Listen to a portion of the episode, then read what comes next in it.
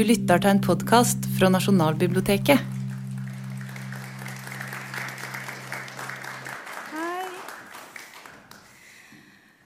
Velkommen, kjære publikum. Denne her eh, samtalen skal eh, handle om denne boka her, utgitt av eh, Nasjonalbiblioteket.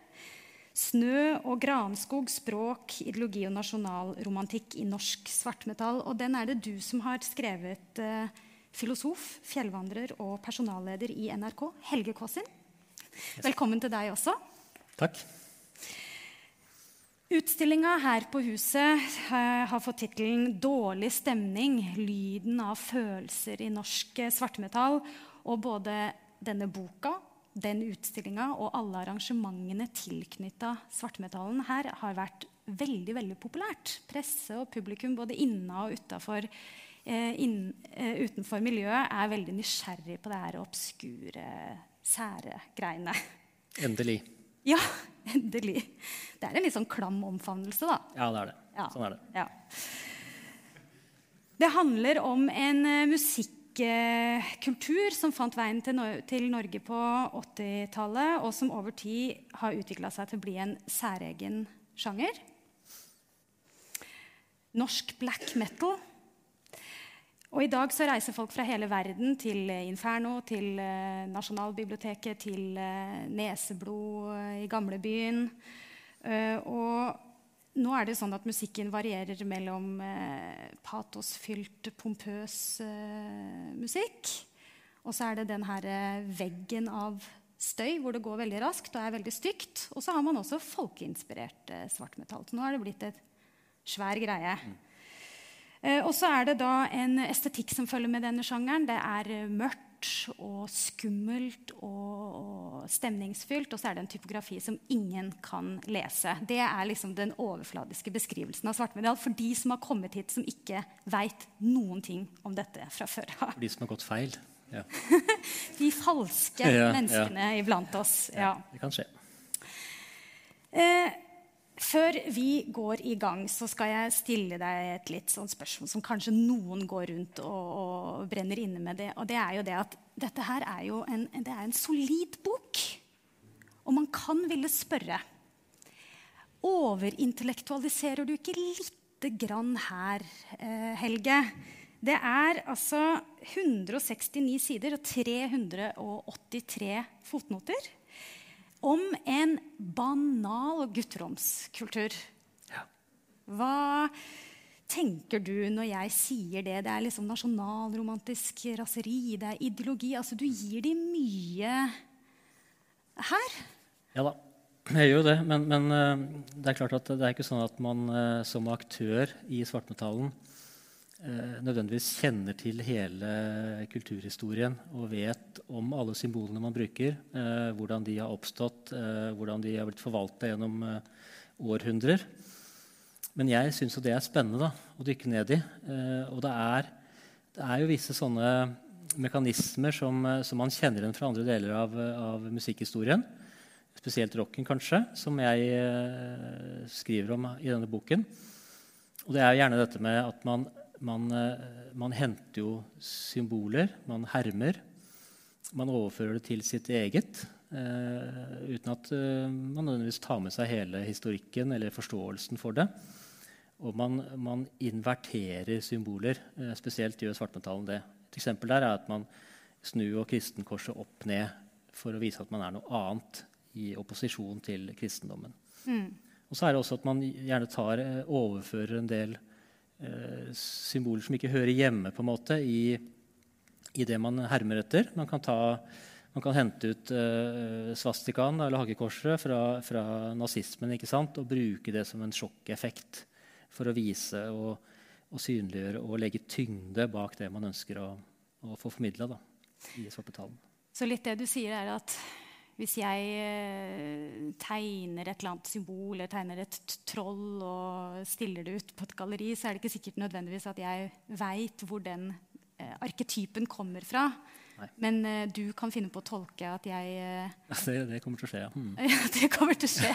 At her trekker jeg på en eller annen ikke sant? Ja. figur som kommer fra langt langt tilbake. Sånn at uh, selv om ikke den enkelte aktøren helt vet, visste, visste hva han dreiv med, så Dette er jo ubevisst, ikke ikke sant? og vi bruker jo symboler hver eneste dag uten å tenke over det. Mm.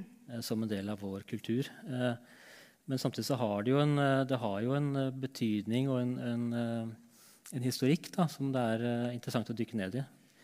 Og det, fordi at jeg mener også at det forklarer en del av svartmetallen ved å se tilbake. Så forklarer det også mye av, eh, av den bevegelsen. Da. Så har jo også dette her vært en sjanger som det har vært tulla mye med. Det er, litt, eh, det er jo lett å, å tulle med voksne menn som ofte som på en måte tar seg sjøl såpass Sminker seg. høytidelig. da. Det er en litt sånn pretensiøs uh, type. Og det har jeg også fått litt sånn inntrykk av at du har lyst til å svare litt på det. da. Ja, fordi at um, um, Jeg har jo selv også sagt det, at man eh, kanskje ikke har uh, full forståelse av det man egentlig gjør. Men, uh, men, og at man bare har lest starten av boka. og sånn, men, men, men det er klart at dette med Starten av Nietzsche, altså, tenker du på? Ja, eksempel. Mm. Men, men dette er jo eh, oppegående folk uh, i stor grad. Altså, det er jo en normalfordelingsgruppe normalfordelingskurve der også. Men, men det er klart at det er, dette her er uh, mange folk som har lest mye, satt seg inn i ting, og bruker eh, hele kulturhistorien for alt det er verdt. Men de gjør det gjerne med formålet å uttrykke det de selv føler så sterkt må komme ut.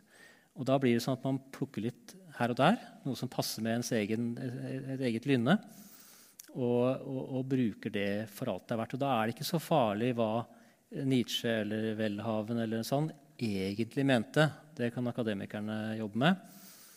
Men det, men det, det funker veldig bra for at jeg skal få et språk å uttrykke meg gjennom. Det er litt sånn Nerdenes hevn-vibb over denne fortellingen, eh, kanskje. Han, var, han, han satt egentlig og hadde forstått masse. Ja, ikke sant? Kjellermannen. Mm. Ja. Da tenker jeg at liksom premisset for denne her svære boka er satt. Så da, da kan ja, vi ja, jeg får bare si det at, at det er klart, det er historien om at det var noen eh, guttunger som syntes det var gøy med Satan og, og alt dette her, den er også sann. Ja, det er mye som er sant. Ja. Ja. Og så er det jo liksom hvor dette her starter for deg, da. Ja. Eh, hvorfor er du så eh, innmari opptatt av dette, kan jo jeg sitte her og lure på. Og du er født i 1971 i Kongsberg. Når jeg hører Kongsberg, så tenker jeg skog og våpen. Sølv. Og sølv. Ja, men det er jo enda mer svartmetall. Skog, våpen og sølv. Eh, hva slags unge var det du var der? Nei, Det var nok en ganske vanlig unge som vokste på 70-tallet. Eh, var mye ute og lekte. Hadde ikke iPad. Så, men det er klart jeg hadde jo Internett er et blaff. Internett er et blaff, ja. Eh, det hadde vi jo ikke da. Nei, men jeg, det er klart jeg var jo glad i å lese og sette meg inn i ting. Og, og, og dykke dypt ned i det jeg selv hadde interesse for. Ikke alltid i skolen, men eh, Hva var det, ja? Nei, et, etter hvert så, så var jo det Jeg husker jeg ønska meg veldig eh, Snorre til eh, tiårsdagen. For å dykke ned i det norrøne. da. Syntes det var kjempespennende. Og klart, vi, vi leste jo om polarheltene. Vi, vi var jo nasjonalromantikere på 70-tallet. 80-tallet. Vi, vi, dette var det vi fikk inn med, med teskjeer på skolen, og egentlig i eh, ja, hele samfunnet for øvrig, mener jeg. da. Så det er klart, vi, vi, i hvert fall jeg, jeg leste jo om helter og, og, og slag og alt disse tingene der. Konger. Så det var sagaene, og så var det Amundsen og Nansen. Donald, kanskje? Donald var viktig. Det er alltid viktig med Donald. Det var så mye historier og historikk der. Mm. ja. Og så, har jeg plukka opp det at du eksempel sto heller på Telemarken på slalåm. Ja, og det er vanskelig å forstå, eh, men det var Ja, liksom det er det, man veldig vanskelig. gjøre. Fordi at det var en sånn uh, Telemarken kom jo liksom tilbake da, Ja. etter at Morgedal uh, ja, Hele den en vinden som blåste over. Ja, det var noe nasjonalromantisk vin på den tida der. Og så etter hvert, da, når du blir ungdom, hva skjer da? Da blir du en grubler, kanskje? Ja, altså, det, jeg tenker at Man studerer jo ikke tofaget filosofi eh, hvis man ikke er glad i å gruble. Så det er klart, For meg så var det jo det å, å bore dypere og, og sette meg inn i ting som var litt komplekst. Jeg syntes jeg hadde litt interesse for det. Uh, og jeg husker at Det var nok litt rart for de romkameratene mine i militæret at jeg satt og leste Homer uh, med øreklokker for å slippe å høre hva de sa. Uh, og, og, det er jo noe med den der å prøve å finne noe som ser litt under det som foregår i samfunnet, og finne noe ekte da, eller noe som er litt dypere. Som, det var interesse jeg hadde, og har fortsatt. Og politikk? Var det noe som fikk taket på deg? Nei. Nei. Nei, jeg har aldri vært spesielt politisk interessert. Og, det er klart, eh, hvis man eh, leser filosofi, så er det jo gjerne de store, lange historiske linjene som, eh, som man kan tenke på. Mennesket på en måte består. Eh, det er ikke så viktig med hva som skjedde i går eller i dag. Det, eh, mennesket er sånn som det alltid har vært, så å si. Og og politikk og politiske meninger de kommer og går og er litt sånn avhengig av uh, en del ytre omstendigheter. Så du har et, uh, liksom hatt et litt større perspektiv? sånn tids... Uh... Ja, jeg opplever at jeg har det fortsatt. At det er liksom interessen min er det tusenårsperspektivet, og ikke fra dag til dag. Mm. Her er jo en svartmetaller født, da. Ja, det, det henger nok sammen på et vis, ja. Jeg tenker jo det at Den store fortellinga om, om, om sant, store, hvor man har nettopp et stort tidsperspektiv, virker jo til å være veldig sentralt i, i svartmetallen. Og det er også dette her med at det ikke er en politisk musikksjanger i sammenligning med punken for f.eks. Ja. De setter seg egentlig litt på sida av, eh, av, hele samfunnsdiskursen. Mm. Og det er jo veldig rart hvis du ønsker å faktisk å få til en så stor omveltning som svartmetallen tilsynelatende ønsker å få til. At du ikke på en måte engasjerer deg aktivt i, eh, i, politikken, eller i hvert fall demonstrerer i gatene, altså som punken uh, har gjort. Mm. Men det, det, har jeg rett og slett ikke sett. Nei, man har jo reelle dommedagsforestillinger også, som klima og sånn, men virker liksom ikke til å få taket på svartmetalleren. Nei, nei og, og, da, og, da, snakker vi om den tida som, som, var. ikke sant? Og det er klart at Nå er det annerledes. Nå, nå søker svartmetallen uh, nye veier og engasjerer seg i klima og, og, nær natur og alt dette her. Så det, ting skjer jo. Men, men, jeg opplever i hvert fall at svartmetallen uh, på 90-tallet og før det var veldig apolitisk. Og egentlig likte å holde seg for seg selv mens de ropte 'drep de kristne'. Ja, drep de kristne. Og der er vi jo tilbake til dette her med, med, med tida. Det som er tapt, og det som skal gjenreises. Uh, på en måte. Hva, Tittelen på denne boka er jo 'Nasjonalromantisk raseri'. Og i det så leser jeg en eller annen sånn det er, en, eh, det er noe hevnlyst og en eller annen bitterhet. Og så er det jo det herre Det som var for lenge, lenge siden. Kan ikke du forklare meg litt sånn Hva, hva er det svartmetalleren prater om når han prater om den forgangne tida? Ja, altså først må jeg jo bare understreke at dette er jo ingen entydig ideologi. Nei. Det var ingen som satt i et styremøte i, i Svartmetallforbundet og ble enige om at uh, sånn skulle vi gjøre det. Det var jo mange ulike aktører. Så det, det, er, jo, det er jo en litt sånn minefelt å, å, bevege seg inn i. Men, men det er klart at uh, dette nasjonalromantiske raseriet, i det så ligger det egentlig ikke så mye i hvert fall i det jeg skriver om her i boka, så mye eh, nasjonalisme. altså Det er jo en del av nasjonalromantikken, selvfølgelig. Men, men ikke kanskje det vi kjenner som nasjonalisme gjennom Varg Vikernes og alle disse tingene der. Men, men, for meg så er det en søken tilbake til, til uh, dette dette voldsomme, dette, dette, ville, dette følelsesmessige som ligger i, i, romantikken og nasjonalromantikken. Og også dette med å finne på en måte den gamle norske folkeånden. Da. Ja. Og der er det jo litt sånn Hvis man har en historielinje, da, så er det skjedd et eller annet på veien her som, hvor det gikk galt av sted. Hvis man skal ha det her tusenårsperspektivet. Så når var det det gikk gærent, da? Nei, ja, Ifølge Svartmetalen så er jo det med at når kristendommen kom utenfra mm. og, og, og, tok seg til rette eh, og på en måte feide bort den eh, gamle norrøne eh, troen og verdisettet vi hadde tidligere. Mm. Og så er det sånn at dette skjedde jo tusentallet og utover. og sånn, Det skjedde jo ikke på en spesielt dag i uka. Dette skjedde jo over tid. Men, men, det er klart at svartmetallen setter nok et, et likhetstegn mellom, mellom, eh, mellom svartedauden i eh, 1349, var det vel, eh, og dette, dette, denne åndepesten da, som man snakker om. Åndepest. Altså, de skal virkelig ha for å lage veldig sånn fine Ja, det ganske- begreper. Det høres helt ut. Åndepest vil man jo ikke ha. eh, Nei. Nei. Nei. Så, det, så det, man setter et slags likhetstegn der. Og, og da er det klart at det er det som eh, kommer utenfra og, og korrumperer da det, det vi hadde her i denne Edens hage. Ja, vi er kastet ut av paradis. Bare at her er man da kasta ut av det Et sånn invertert paradis. da. Ja, det er egentlig påfallende likt, den historien. Men det Ja. ja. Um, Jeg tenker det at du har jo leita og leita og leita, leita uh, rundt i dette her i årevis. Og bl.a. funnet ut at egentlig en fyr som jeg alltid har forestilt meg som en ganske streit type, Welhaven, Ja. eh, er, et, eh, er en referanse som dukker opp mye i svartmetallens tekster. Så jeg lurer egentlig på, nå som dette er et bokbad, om Ja. du har lyst til å lese litt Welhaven for oss, hvor vi da kan innbille oss Welhaven i svartmetallkostyme, og så, og så kobler vi oss på det her eh, raseriet. Ikke det at han er nødvendigvis sint, men her kan man sant, hente litt eh, Ja, for han skap, var jo ikke, spilte jo ikke noe svartmetallband. Han eh. Eh, men dette her er, eh, dette her er klipt altså fra eh, Dette her er det Bursum da, eller Varg Vikernes som har eh, klipt ut av en, en tale som, som Welhaven holder i Studentersamfunnet i 1850 Ja. For den store danske romantiske dikteren Adam Ørnslager.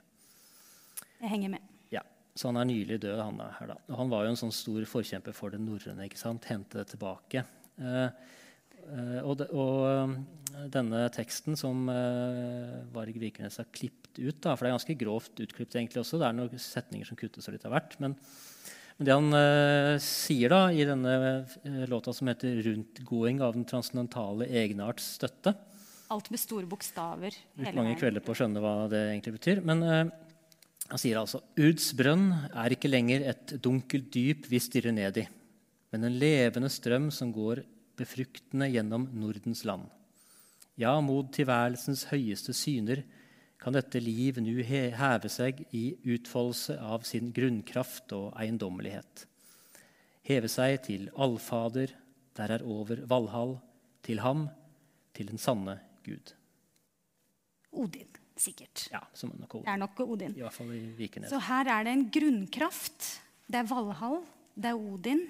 Store ord. det, ja, det er store ord. Og det, er en, det er en nordisk Hva var det? Nordisk eh, gullalder? Nei, altså nordisk eh, Det, var, det er en, eh, en eh, ja, eh, Nordens land også. Der går en Nordens sånn land, ja. befruktende Man henter det gamle norrøne som skal på en måte befrukte dikterkunsten spesielt, da, men også på en måte verdisette til, Mm. eh, til Norden. Da. Så Welhaven slår jo et slag for den norrøne mytologien i eh, dette diktet. Og det her dukker jo opp i mange svart, av svartmetallens tekster, og estetikk for øvrig. Ja, det er jo ganske mye gotisk over det Welhaven skriver. Det er liksom alver og litt av hvert sånt som man har med seg som svartmetallen setter pris på gjennom uh, all litteraturen de har lest, og all gotikken de har uh, jobba med, og ja, rollespill.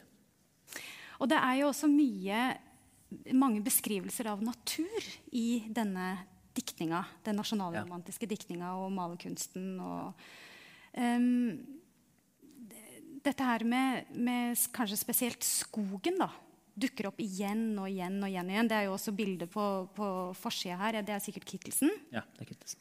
Her er det jo en skog og en ravn. Eller? Ja, Det er litt sånn uformelig, den fuglen, men En eh, skummel fugl, i hvert fall. det er i hvert fall en svartmetallkarakter som flyr ut i friheten. Eh, skogen som motiv i eh, svartmetallen er eh, veldig, veldig viktig. Og det virker også til å være viktig å evne å, eh, å føle sterkt i naturen, det liksom sublime. Ja. Hva slags sted er det skogen er i svartmetallen? Ja, altså jeg, jeg tenker jo at eh, man henter jo eh, skogen fram fra kulturhistorien som et sted hvor, hvor de som er utstøtt, og alt det som er vilt og uoversiktlig og rotete og skummelt, bor. Og, og, det er klart at uh, når, du, når, du, står da, i skogbrynet og ser inn mot samfunnet, så har du på en måte et, et utenforblikk på hva egentlig samfunnet er. Og ifølge Svartmetallen så er jo samfunnet sykt. Mm. Sånn at, eh, men i skogen så er det disse, disse, som har blitt utstøtt fra samfunnet. Det er gjerne de som eh, Det kan være lepra-pasienten eller hva som helst. ikke sant? Disse syke. Robin Hood var i Skjøvelskogen. Han var en utstøtt. Eh, det er jo der svartmetallen og egentlig også deler, andre deler av metallen mener at den syke er den friske. Fordi at den som er i samfunnet, er den egentlig syke. Sånn at skogen blir et sånt åsted da, for, å, for, et utenforblikk. Mm. Og så har jo skogen uh, veldig lenge vært et sånt, også et sted for på en måte de store Eh, krisene, de åndelige krisene. Eh, jeg skriver jo litt om Dante der, som på en måte befinner seg i en vill skog ikke sant? nattestid. Og det er jo sånn 13... Ja, 1300 er jo i hvert fall datert liksom, at han befinner seg i den skogen. Og han er på en ensom vandring i skogen i en ensom. krise. Ja, og, og, skogen også er på en måte den ensomme utstøttes uh, sted. da. Mm. Og, er, og, i, det, i dette liksom, landskapet her så kan man på en måte føle sterkt også. Fordi man, man, man, kommer nærmere det som er egentlig menneskets arnested, da, ikke sant? før vi eh, satte oss selv inn i samfunnsstrukturer. Og til det der nasjonalromantiske igjen, så er det en magisk skog. Altså, eller det er en, en på en måte, Hva heter det? Altså, fortry, fortryllet? Eller, altså? Ja, det er jo altså det, det svartmetallen eh, ønsker å gjøre skriver er jo refortrylle skogen. ikke sant? Hente trollene og vettene og alt dette her tilbake til skogene. Ja. Etter at skogen på en måte har blitt strippa da, gjennom, uh, gjennom, vitenskapen for alt det mystiske. Men Og det er klart, i, i dette, denne forståelsen av, eh, av, skogen, så er det også en sånn følelse av å kunne finne seg selv. Komme hjem ikke sant, til fordi at det er noe virkelig. Det er noe, det er noe sant og ekte eh, som, som, gir en sånn gjenklang i mennesket. Da, fordi at man kommer fra det. Og hvis man ikke takler å være på en lang skogtur alene og syns det er skummelt, og i hvert fall i det minste har lyst til å høre på en podkast, da er man syk. Ikke sant.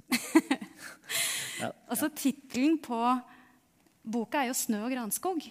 Og, og det er jo tittelen på et dikt av Vesaas, som er en mye seinere dikter. da en modernistisk dikter. Mm. Men der er, tematiserer han jo også skogen som, eh, som, Det ligner veldig på det du snakker om nå. Så det er tydeligvis en, en gammel idé. på en ja. måte. Om, har du lyst til å bare lese raskt ett vers av det diktet hvor du har henta tittelen fra?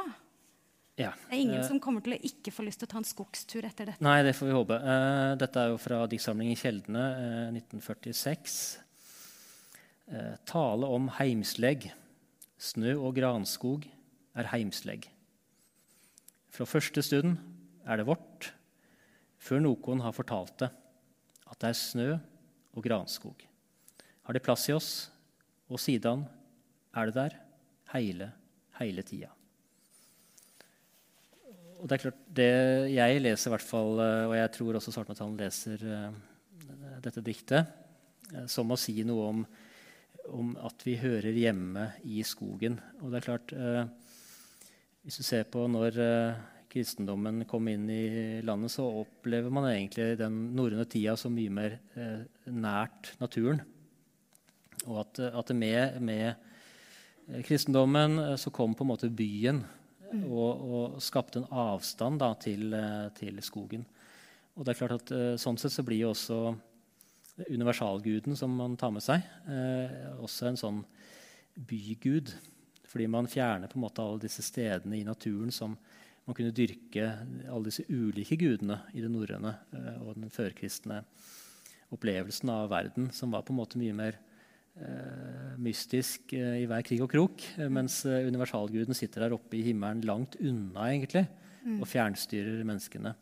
Og så må du da ha et eget bygg du må gå til for å finne denne guden, om den er hjemme. da. Så, sånn sett så, så du fjerner på en måte mennesker fra, fra denne nærheten til Kall det det guddommelige, da. Eller det som på en måte gir et, et, et, et, et litt annet perspektiv enn en bare liksom, den konkrete virkeligheten i verden. Så kristendommen har fjerna oss eh, fra, fra naturen. Det har laga et skille mellom kultur og natur. Ja, også Kristendommen er jo på mange sånn som jeg tolker det også, en, en, en uh, kroppsfiendtlig religion. ikke sant? Alt dette som har med, med, kropp og sterke følelser og emosjoner å gjøre, er jo tatt vekk. Og dette er jo det svartmetallen opponerer mot. da. Mm. De vil ha tilbake de sterke følelsene. De vil ha tilbake det magiske. De ønsker å refortrylle skogen og samfunnet rundt seg for å for å føle sterkere, eh, rett og slett. Mm. Og I Vesaas-diktet også så høres det ut som om det er noe med det at man kommer til skogen og så gir det gjenklang i noe som liksom har vært der hele tiden. Og det virker også til å være en, en teori i, i Svartmedaljen som dukker opp mye det der med at på tross av at man liksom er vokst opp i en eh, drabantby i to generasjoner, så kan likevel det her møtet med skogen være en eller annen sånn ja ja, nå er du hjemme. Er det et eller annet dikt av Vesaas der han sier du er hjemme, Knut? eller noe sånt? Ja. Du det? Ja, ja. Så er det sånn, det var ingen som sa det. Ja. Men det Det kjentes sånn sterkt. Ja. Nei, og det, det, det, Dette med å finne, finne, seg på en måte hjemme er jo, er jo henger på, sånn som jeg tolker det, da, teoriene til, altså romantiske teorier til en som heter Herder fra Tyskland. Mm som har en teori om at du på en måte kan finne den virkelige folkesjela hos eh, bonden, da, eller fjellbonden. Og Det er klart at det er, jo, det er jo den karakteren som dyrkes i den nasjonalromantikken i Norge. Folkeånd? Ja. ja. Så, så man, mm. man, på en måte man, man, ser hva Man går der og spankulerer i, i storbyen, ikke sant? som på en måte er et sted hvor man gjør seg til. Falsk. Falskt, ikke sant? Og så, så, ser man da til hvor finner vi det ekte. Og skal du finne en identitet som på en måte er forskjellig fra eh, Danmark, som vi var i union med, hvor det var mye spankulering i byen, eh, og etter hvert Sverige, med, med, adel der også. Så hva skal du gjøre i Norge, da? da du, det var ikke noe særlig adel her. Det var ikke noe særlig store bygg heller. Så var det jo på en måte å finne hva er liksom Norges og uh, den norske folkesjela. Og da finner man liksom fjellbonden. Man trekker den fram. Da, litt sånn der, eh, lite pratesalige typen. Som er liksom staut og ordentlig og tøff og, og kommer liksom rett ut fra steinhaugen og, og, skogen. Da. Og det å, å, å, dyrke den er jo også noe uh, svartmetallen uh, gjør. Da. Men det er på en måte den derre krigerestetikken, den, den, som, den, som, på en måte står alene mot overmakta og skal mm. ta en slags hevn. da. Ja, han er, eh, står aleine ja. og tåler å være aleine. Ja. Mm. Det er jo mange som tester det, å ta seg en skogstur alene, kanskje sove i telt alene, og som piler hjem igjen ganske raskt. Så det, det er, noe sånn, det er, det er noe beundringsverdig med å på en måte tåle å være der ute. Ikke bare alene i skogen, men også alene med seg selv. da. Ja. Mm. Er du glad i det sjøl, eller? Ja. ja. Eh, 90-tallet, det er jo mange som sier det at svartmetallen er en eh, sånn kontrast til 90-tallet. Det var Drillo, det var OL 94, det var eh, hva mer var det? Bobby Stocks, Gro Harlem Brundtland. Det var veldig sånn, det var nesten en sånn gladkristen tid. Alt ligna på pinsemenigheten på en måte. Litt sånn. Det var tøft. Det var hardt. Men så, så tenkte jeg sånn over det. Jeg er jo et 90-tallsbarn. Jeg var jo sånn maskot under um, ja. OL i sånn vadmelkappe som Kristin på Telenors et sånn fest på et høyfjellshotell. Eh, det har ikke du noe sånn veldig respekt for, men til mitt forsvar så var jeg bare ti år. Ja. Men du var indoktrinert da, i samfunnet? Indoktrinert, ja. Var hjernevaska. Ja. Og, eh, men der var det mye vetter og troll, og jeg var jo vikingjente. Ja. Eh, sånn at, og jeg husker også I rekkehusbebyggelsen der jeg vokste opp, så var det et det var liksom rekkehus overalt. Vanlig blokk vatne standard bortover. Men så var det én han endte faktisk opp i fengsel, men hadde han noe penger i hvert fall. Ser du hvordan det kan gå, ja. og han hadde lafta hus med gress på taket. Ja. Ja. Altså, det så ut som sant, fra en annen tid. da. Eh, sånn at det var jo egentlig veldig inn med vetter, troll, vikinger, ja. gress på taket. altså alt dette her. Eh, eh, så sånn sett så var jo dette her egentlig veldig i, i kulturen. At svartmetallen gjorde det bare litt på en annen måte. liksom. Og det er jo også dokumentert. Hyran Eriksen, som jeg nevner i boka, har jo skrevet om det her. Og at det var, en, det var nok i en tid hvor de store fortellingene Altså 'Gud var død', skrev Nietzsche tidlig. Men, men etter hvert så falt liksom alle de store fortellingene utover 1900-tallet. Og og det siste store fortellingen var vel kanskje den, eh, den kalde krigen. Og i 89 så falt, så falt muren. Mm. Og vi hadde, det var en økt globalisering, en modernisering også i Norge. Uh, og man, man, trengte nok uh, også tydeligere i møte med storverden og innvandring å klare å på en måte si litt tydeligere hva er det som er denne norske folkesjela. Og det var det vi kom opp med. ja, OL-seremonien. Da finner ja. man noen sånne vetter og noen greier. For det, altså, vi, Verdikommisjonen i 98, ikke sant? det var en sånn, hva, hva er det når vi egentlig mener da, når vi sier uh, den norske kulturen? Mm. Og litt sånn panisk etter å prøve å finne det. Så nærmer det seg jo også et tusenårsskifte, og da pleier det jo også å bli litt sånn eh, ja. uh, panikk Ja, det er jo en sånn gammel forestilling. Ja. Da, da, skjer det et brudd. da. Mm. Det har jeg tenkt litt på, med det at eh, det er jo en litt sånn nyåndelig tid nå også. Det er mye hekse, interesse for hekser og krystaller. Man har svartmetallband som Witch Club Satan. Det er mye sånn interesse for uh, natur, tro og sånn. at hver gang det virker som at det, det, horisonten mørkner, eller vi ikke helt vet hva som mm. venter, så griper vi liksom litt etter uh, ja, si, praksiser som tillater noe irrasjonalitet. Da. Ja, og, vi, og, og, dette med å forsøke å begrunne eh, nåtida gjennom eh, å se tilbake historien, det, jo, det spiller man jo på i alle statsdannelser og opprør, egentlig. Mm. Så det skjer jo kontinuerlig.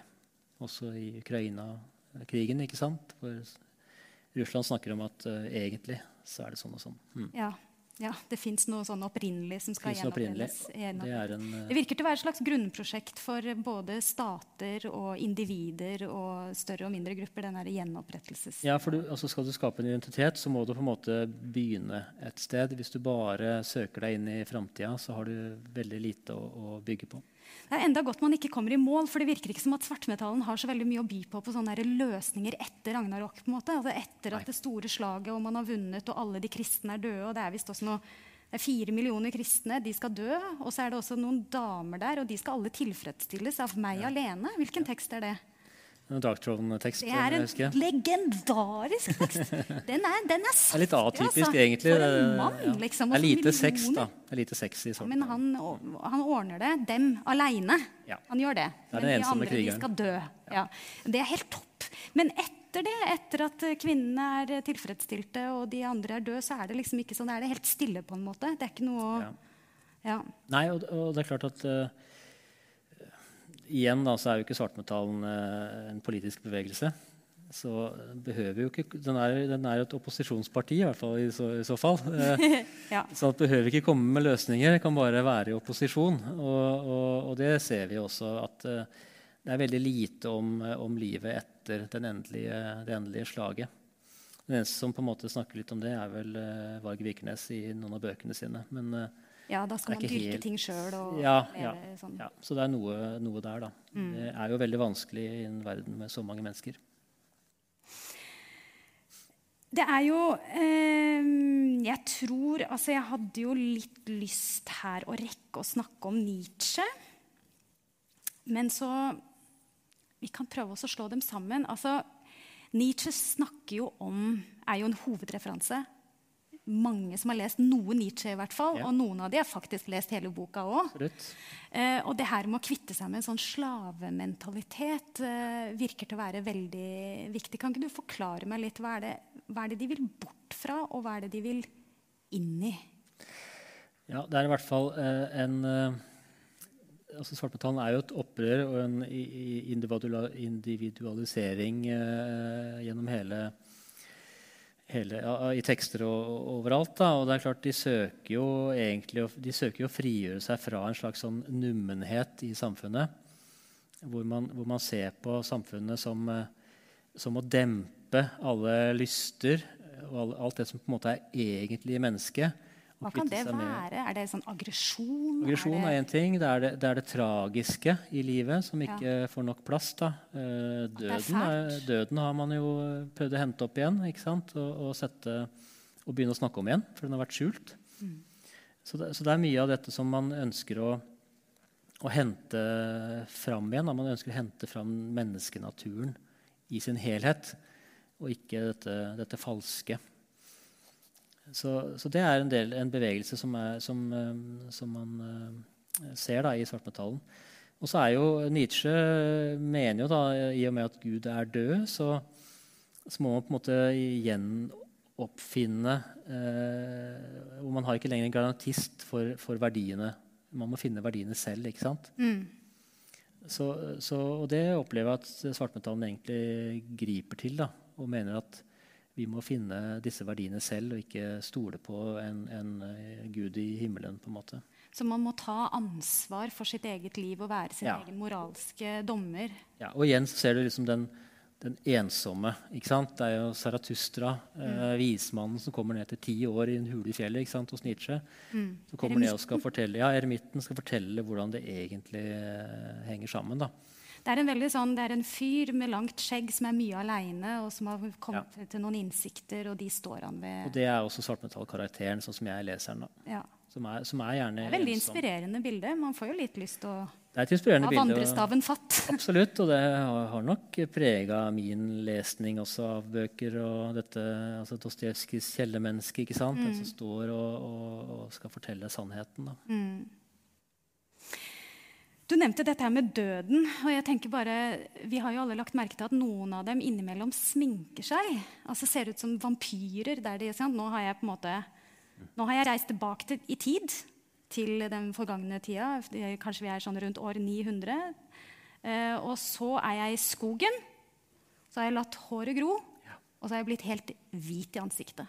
Jeg ser ut som en vampyr. Eller levende lik. Ja. Hva er det med det der med å se død ut? Eh, hva, hva, er det det er meningen at jeg skal lese, forstå ut av det, når de gjør sånn? Altså, det, det der, den biten her er ganske kompleks, opplever jeg, og lite på en måte uttalt fra svartmetallen. Det, det er klart at det har en forhistorie i rocken. Uh, Kiss er jo hyppig nevnt, men det, er, men det, er, på en måte med en Men det er ikke helt den samme sminken? Nei, og det er med et helt annet alvor. Uh, for Kiss var litt sånn et romvesen og annen, noen andre figurer sant, fra tegneserier, men her skulle vi faktisk være ekte. da. Og det er noe med, med sant, Døden er jo det, det endelige utenforskapet. Og, og, døden gir, når man tenker på den måten her, en, helt uendelige muligheter. Man frir seg fra alle lenker. Eh, hvis man ikke ser på døden som noe endelig og slutt. Eh, hvis ikke man er rasjonell. Mm. Ja. Sånn at døden gir eh, Det er jo det, denne Berkåk som jeg snakker om, som, som, mm. det, som har disse tegnestrategiene. Og, og, døden er på en måte det mulige. Altså det som er helt åpent. da. Mm. Og, og, det å på en måte sette på seg en maske eh, er jo også en måte å tre ut av samfunnet på. ikke sant? Og når du, når du dør, så trer du definitivt ut av samfunnet. Så, så det nok, uh, ligger nok mye der. da. Og, og dette med karneval også, som jeg skriver en del om i, i boken. da. Ja, for, for det, det, som skjer når vi tar på oss maske Det er jo sikkert mange som kan kjenne seg litt igjen i det og synes det er litt ekkelt med klovner. kan være... Mm. Hvis med en gang du tar på deg en maske, så vet jeg ikke hvor jeg har deg. da. Nei, jeg tror jo på en måte inn i noe annet. Mm. Og der kan alt skje? Ja, der kan jo, Hvis du har den uh, tilbøyeligheten, ja, så kan jo alt skje. Og der, jeg skriver en del om, om uh, Åsgårdreia ikke sant? eller, eller julebuktradisjonen.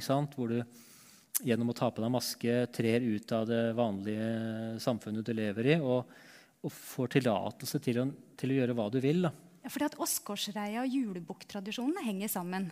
Det, ja, det, det, har man uh, sett at det kan ha samme utgangspunkt. da. Det er jo vanskelig å, å, si sikkert. At man går på en sånn uh, tokt sammen? Ja, man herjer egentlig. Og det, det er en slags, uh, er en slags ventil da, som bygdesamfunnet hadde for å, for å kunne liksom peke på hva er det vi egentlig driver med i dette samfunnet. Mm. Og tørre å kunne endelig Det var et sånt som fulle folk på julebord. De sier hvordan, hvordan det egentlig er til sjefen. ikke sant? Sier opp jobben. Ja, og det, og det er jo litt sånn man har i den julebuktradisjonen og Oscar-reia. At man på en måte står utenfor og, og ser inn da, på samfunnet. Mm, ja, og i gruppe utkledd så tillater man seg jo villere oppførsel. Man, man Ja. pusher jo grensene litt. Absolutt. For, uh, det er jo noe veldig, veldig berusende å være i en sånn, uh, bak en sånn maske. Ja. Eh, det kalles vel også liksom på fagspråket å, å, å gå inn i noe sånn At man blir en sånn liminalfigur. En, en zombie, levende død. Overskrider en del grenser, ja. Ja. Man trer ut av den vanlige, sin vanlige rolle og er på en måte i spill. Eh, Alt kan skje. Så det, denne liminalfiguren er jo også, som jeg skriver en del om eh, her, interessant fordi den er ganske ubestemmelig. ikke sant? Den er i et mellomposisjon. Det er eh, man kan jo si, ikke sant? Overgangen fra barn til voksen er en sånn type liminalfase. Mm, ja, det er en gammel, ja, og det er en gammel historie om at uh, rundt juletider så er det en sånn liminalfase fordi vi er på vei inn i noe nytt. da. Inn i en sånn gjenoppvåkning av, av eh, naturen. Det høres litt på en måte ut som noe som kunne vært sunt å holde på med litt sånn eh, mer. Og, og tatt på seg noen sånn Ja, maske. Maskerade er jo ikke ukjent, og vi har Nei. karneval fortsatt, så det er mulig. Og der er det jo også sånn nesten sånn ubehagelig latter. Altså, jeg forstår at man på en måte må ha noen slags sånn kontroll på, på maskespillet. For hvis ikke så blir det en farlig flokk. Ja, absolutt. Og, og, og klart karneval er jo en sånn type eh, sted hvor man kan, eh, kan peke nese da, til samfunnet og, og tørre å si til sjefen hvordan eh, ståa egentlig er. Da. Det er jo noe med mm, dette her med den masken som du, du anerkjenner jo den her eh, angsten man kan kjenne litt på når man står overfor en annen med maske. Og det er jo Du refererer også til et intervju med en som heter Eitun. Han- Bård er. Mm. Bård Eitun, ja, som sier noe om dette her med at du bare skal ha på deg maske når du skal gjøre noe ondt. Ja, du, du trer jo inn i en ny rolle, da. Eh, og, og sånn som jeg leser det, så trer det også ut av samfunnet. Og på en måte så, så, så er egentlig alt lov, altså som det er i, i julebuktradisjonen, i hvert fall den gamle. Og det var nok også eh, litt av en oppvåkning når de skjønte at det å brenne kirker og drepe folk faktisk fikk reelle konsekvenser.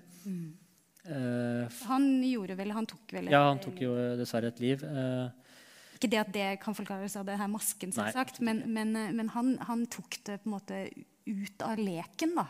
Han tok det ut av leken, og da ble karnevalet veldig eh, alvor. da. Jeg tror det er mange av oss som lurer litt på det om hva, hvordan skal man forholde oss For det er, litt, det er jo litt typisk at når store kulturelle institusjoner skal omfavne en subkultur, så sier vi tipp topp at unga finner på så mye gøy, og de lager fanziner, og de lager konsertene sine sjøl, og de har vært så flinke å do it yourself, og det er liksom ikke måte på. Men så ligger det jo på en måte et sånn ting der med svartmetallen om at mm, det har skjedd veldig veldig alvorlige ting. Noen veldig alvorlige ting. Ja. Um, og det har vært veldig få folk som har gjort det. Jeg tenker sånn, Når, når du har fordypet deg så mye i det ideologiske liksom, idétilfanget til svartmetallen, vil du si at det å ta liv og tenne på kirker er en fortsettelse av alle de ideene, hvor noen utførte det? Eller er det et brudd, noen outcasts, noen, eh, noen avvikere? på en måte? Ja, altså, jeg- jeg opplever i hvert fall at det var, det var en stor sorg i miljøet da, da disse tingene skjedde. Men, men det å brenne kirker det kom, ganske, det kom egentlig før den norske svartmetallen inn i tekstuniverset. Uh, Hellhammer var vel tidlig ute der og sa brenn kirkene. Men, men en ting er å, å, å tenke og snakke om det symbolsk. Noe helt annet er jo faktisk å gjøre det. Mm. Og det er klart, eh, Der trådte man over en grense da, som var uheldig for miljøet, vil jeg definitivt si. Mm. Og selvfølgelig for alle de som ble ramma. Ja. Men ja, det, henger, det, det er en del av, av symbolbruken og, og tenkninga, men Ja. handlingen eh, burde Det er jo et brudd. Mm. Handlingen er et brudd. Mm. Det som, man, eh, som kan være vanskelig for oss som er veldig glad i kulturen, men egentlig ikke så glad i musikken, det er at vi glemmer å snakke om musikken. Ja. Jeg tenkte at vi kunne avslutte på et litt sånn godt sted, og det er jo musikken. Du elsker musikken. Ja, Ja. det gjør jeg. Du skulle, eh, vi snakka jo sammen her om dagen, og da sa du at du kunne til og med høre på noe, så, noe du beskrev som pig squeal. Jeg fikk vondt liksom langt ned i ryggmergen bare å Ja. høre om det. Det er jo, ja, Den tilhører mer eh, death metal-sjangeren, men Ja. ja. Men det er også en sånn driv da, i metallen til å bli mer og mer ekstrem. Og det Mm. var et veldig uttalt mål for veldig mange av de tidligere aktørene å være mer ekstreme enn alt det tidligere. Og det blir kanskje bare vanskeligere og vanskeligere, da, eller? Ja, det blir jo det. Mm. Uh, og, men jeg, jeg opplever også at det er noe man Man opplever også en litt sånn uh, nummenhet etter hvert når man har hørt mye på den musikken som jeg har gjort. Da, og da, da, da higer man jo etter noe enda mer. Noe sterkere saker. Og det, det skjer stadig vekk. da. Du har jo også nevnt for meg at du ikke er så veldig glad i 17. mai og Holmenkollstafetten. og Det er jo å gå i flokk, da. Det er så morsomt å tenke på. Jeg har lyst til å på en måte bare se deg på danskebåten når det er liksom stappfullt en gang. fordi- ja. Ja. Mm. Uh, og jeg tenker jo at det kanskje har litt sammenheng. Du er glad i å gå lange fjellturer aleine. Det er mange, det begynner å liksom tegne seg et slags sånt uh, kart her over noen uh, Allsang på grensen. Allsang på grensen, ja. Det har ikke du noe lyst til å være med. Nei. Nei, så, så Hva slags musikk er det du ikke liker, da? Hva er det som ikke funker? Eh, Hva med litt sånn artig, trivelig sånn vit Ja, vitsemusikk? jeg husker jeg, eh, jeg slutta i en jobb da ledelsen sang på julebord. Uh, og jeg, for jeg er ikke så glad i, i den type um, ikke-inderlighet, for å si det på den måten. Jeg vil at det skal være ekte og inderlig. Og det er klart da Svartmetallen er jo en type musikkstil som dyrker det ekte. da. Og det betyr at, at, det, betyr at uh, artisten på en måte henger fast i musikken. Du kan på en måte ikke kutte båndet mellom musikken og artisten. Artisten må være svartmetall. Du kan ikke liksom drive med svartmetall på si, og så går du hjem og, og synger allsang på grensen. Du må på en måte være, du må være i dette hele tida. Det setter setter ganske høyt krav. Du må være true. ikke sant? Og, og jeg opplever at, at det appellerer også til Man kan jo ha de gode og dårlige dager, da. ja, det kan, ja, det er sant, det. Men, men, men det appellerer i hvert fall til de som eh, søker etter noe ekte, tenker jeg. Du var jo også så vidt inne på det her en dag eh, som jeg syntes var fint da jeg fortalte deg litt om hva slags musikk jeg ikke er så glad i.